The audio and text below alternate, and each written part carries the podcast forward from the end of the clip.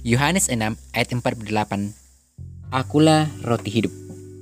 Pada zaman Tuhan Yesus dulu Roti merupakan makanan pokok.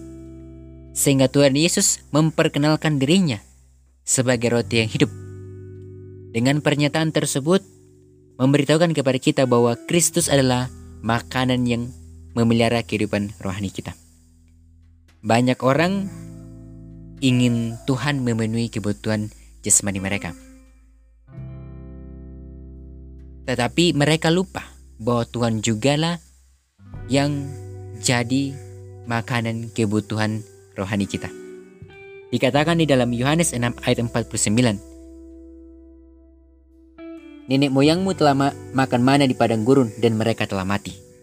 Artinya apa? Sebanyak apa pun makanan yang kita makan di dalam dunia, sebanyak apa pun harta kita, seenak apa pun makanan yang kita makan. Tetapi pada akhirnya kita akan mati. Dan Tuhan berfirman di ayat yang ke-51, Akulah roti hidup yang telah turun dari sorga. Jika seorang makan dari itu, ia akan hidup selama-lamanya. Dan roti yang kuberikan itu ialah dagingku yang kuberikan untuk hidup dunia. Apa yang kita apa yang mau kita ambil dari sini?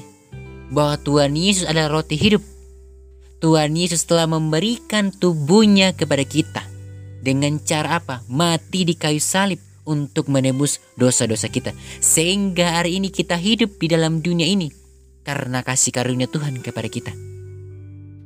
Artinya siapa yang hidup di dalam dunia ini tanpa mengandalkan Tuhan, tanpa takut akan Tuhan, hidupnya akan sia-sia.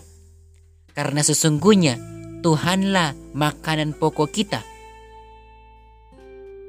dalam artian hanya kepadanya saja kita berfirman, hanya kepadanya saja kitalah takut akan dia. Karena segala sesuatu yang ada di dalam dunia ini kita akan tinggalkan. Sekalipun kita memiliki banyak harta. Semua itu sia-sia kalau kita tidak menjadikan Tuhan menjadi makanan pokok kita. Jadikanlah Tuhan sebagai makanan pokok kita di dalam kehidupan kita sehari-hari sehingga suatu ketika kita mati di dalam dunia, kita hidup di dalam kerajaan sorga.